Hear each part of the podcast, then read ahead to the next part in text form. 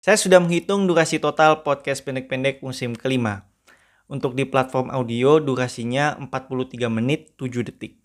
Untuk di YouTube durasinya 33 menit 7 detik. Beda 10 menit ya. Dan kalau di total dari musim pertama, untuk di platform audio durasinya 3 jam 41 menit 11 detik. Untuk di YouTube durasinya 2 jam 48 menit 42 detik. Jadi kalau kalian mau mendengarkan secara utuh, baik di platform audio maupun di YouTube atau dua-duanya ya, ya durasinya segitu.